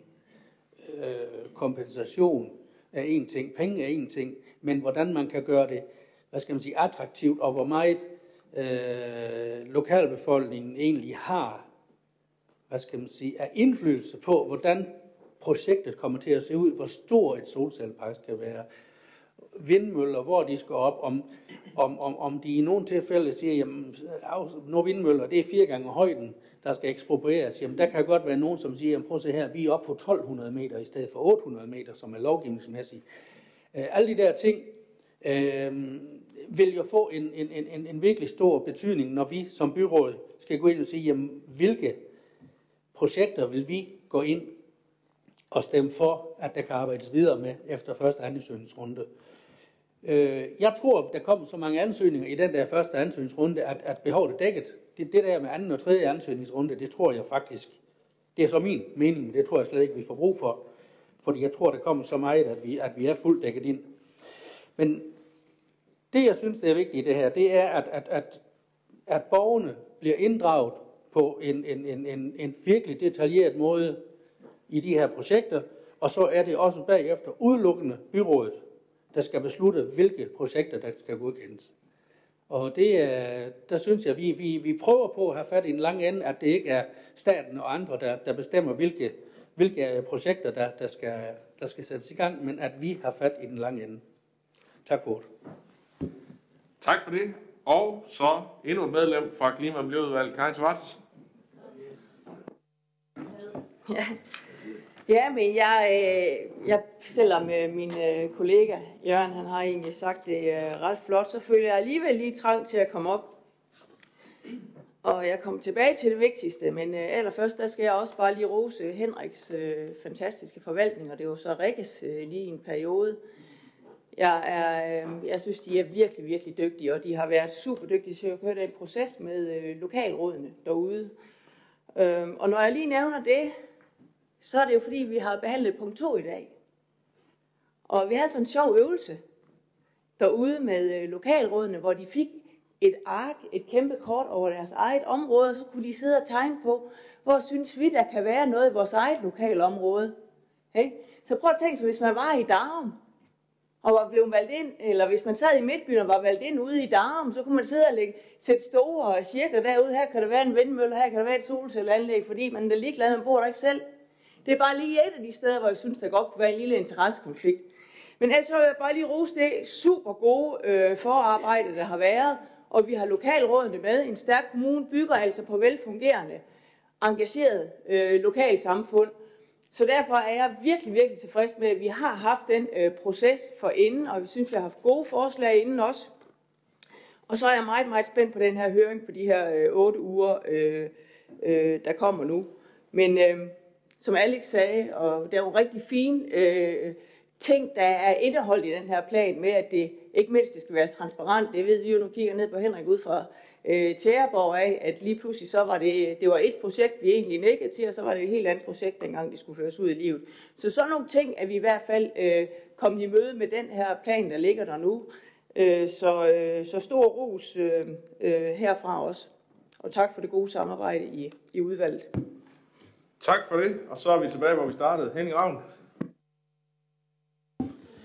Så må vi jo se, om jeg får lov til at slutte, eller jeg provokerer nogen. Jeg er meget enig i alle de øh, kommentarer, der er kommet her. Også i, at øh, forvaltningen har lavet et rigtig flot stykke arbejde. De har også været godt hjulpen af politikerne i de to udvalg. Og har de her tydeligvis forstået, hvad det var, vi gerne ville, og hvor vi ville hen med det her. Så det er rigtig flot.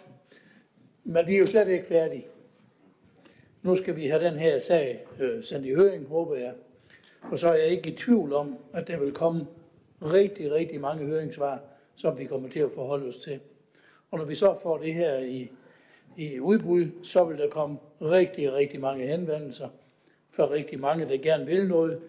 Og noget af det vil vi kunne sige ja til, og noget af det vil vi overhovedet ikke være med til. Og så vil det også øh, blive rigtig vigtigt med nogle af de ting, som vi har været inde på. Hvordan er det, vi honorerer vores lokale områder, vores, øh, hvad hedder det, vores små byer, så de ikke kommer på kant med hinanden, som Alex han sagde, så dur det jo ikke, at øh, man vender om på helen og møder en, som ikke er enig med en selv i de her ting. Så jeg tror, vi øh, kommer til at, at blive udfordret, kan man vist godt sige, øh, hen over foråret og sommeren her. Og så håber jeg, at vi også bagefter kan sige, at øh, hold op, det har lavet forvaltningen et godt stykke arbejde.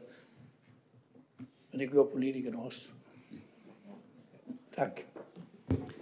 Tak for det, og så kan I jo fortsætte med at klappe hinanden på skulderen, når I nu mødes øh, i udvalget her senere. Det er dejligt, at der er opbakning fra både den ene og den anden side her.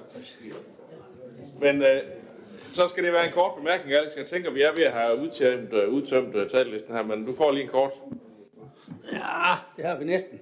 Men jeg synes lige, vi skylder at sige til borgerne derude, at de skal bare vide, at der er jo intet besluttet med hensyn til områder, vindmølle, solceller, noget som helst. Altså, det er jo en fuldstændig blank tavle. Der, er, der er ingen, der lå noget som helst, og der, er, der går en masse rygter og så videre, så videre, men der er intet besluttet om, hvor der skal være både solceller og, og vindmøller. Så det synes jeg lige, at, at folk de skal vide. Yes, jeg tænker også, det er blevet sagt mindst øh, et par gange i løbet af de mange indlæg her. Det her det er principper, vi, øh, vi sender ud, og det er rigtig fint, at vi nu øh, har en, en enighed om, hvordan den proces kommer til at køre, og så kommer der en ansøgningsrunde senere. Men der er ikke nogen, der har givet udtryk for, at de er helt øh, imod eller på tværs. Tværtimod lyder det til, at vi kan samles og være enige om at sende det her forslag til kommuneplanændring i høring. Så det er det, vi gør. Hermed godkendt. Så kommer vi til den sidste sag på den åbne dagsorden. Øh, sag nummer 13, strategisk udviklingsplan for Skærsander Hvornår. Også en sag, der har været i plan- og byudvikling. Henning Ravn, du får ordet igen. Det har den, og det er også en sag, som har strukket sig jo nu i tid, fordi det er næsten to år siden, at byrådet vedtog kommissoriet for den strategiske udviklingsplan for Skærsander Hvornår. I den periode har der været udvist et enormt stort engagement fra lokalråd og borgere i arbejdsgrupper i forbindelse med workshops, under borgermøder. Sjældent har jeg været med til borgermøder med så mange deltagere og så stor talelyst. Og, og det har også efterfølgende været øh, møder mellem øh, lokalrådet og plan- og byudviklingsudvalget. I de arbejdsgrupper og workshops er der blevet arbejdet med emner som erhverv, med bosætning, værtskaber, mødesteder, stier og grøn omstilling blandt andet. Der er mange velbegrundede ønsker og visioner, både på den korte og den lange bane i planen. Nogle er lettere at implementere end andre.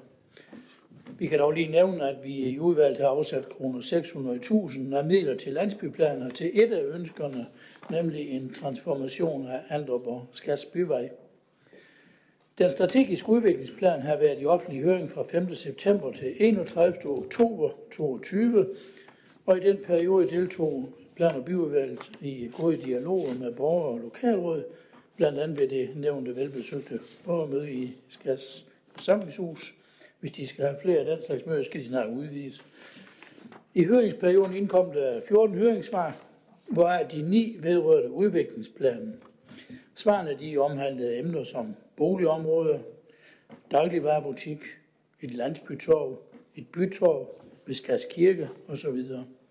Og så var der nogen, som ikke vedrørte så meget selve planen, nemlig noget med cykelstier osv. Der i processen kom forslag til anvendelse af området mellem Skads og Andrup, og teknik og miljø har derfor i planen anvist en udviklingsretning fra Skads landskads byvej mod vest, for ligesom at tydeliggøre intentionerne i den strategiske udviklingsplan med hensyn til en mulig byudvikling. Planer og byudviklingsudvalget og økonomiudvalget indstillede til byrådet, at den strategiske udviklingsplan for Skærsander og Bornaurup med de her teknik- og miljø nævnte foreslåede mindre justeringer endelig vedtages. Og Musa, der var du heller ikke med. Tak.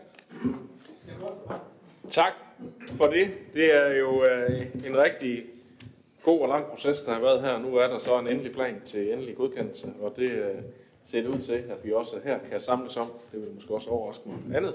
Men øh, dejligt, at vi nu endelig får sat øh, sidste, sidste punktum øh, i udviklingen af planen. Så kommer alt efterfølgende med at få det realiseret bagefter. Den er hermed godkendt i enighed, og det var hermed afslutningen på den åbne del af mødet, så tak fordi I kiggede med eller kom forbi.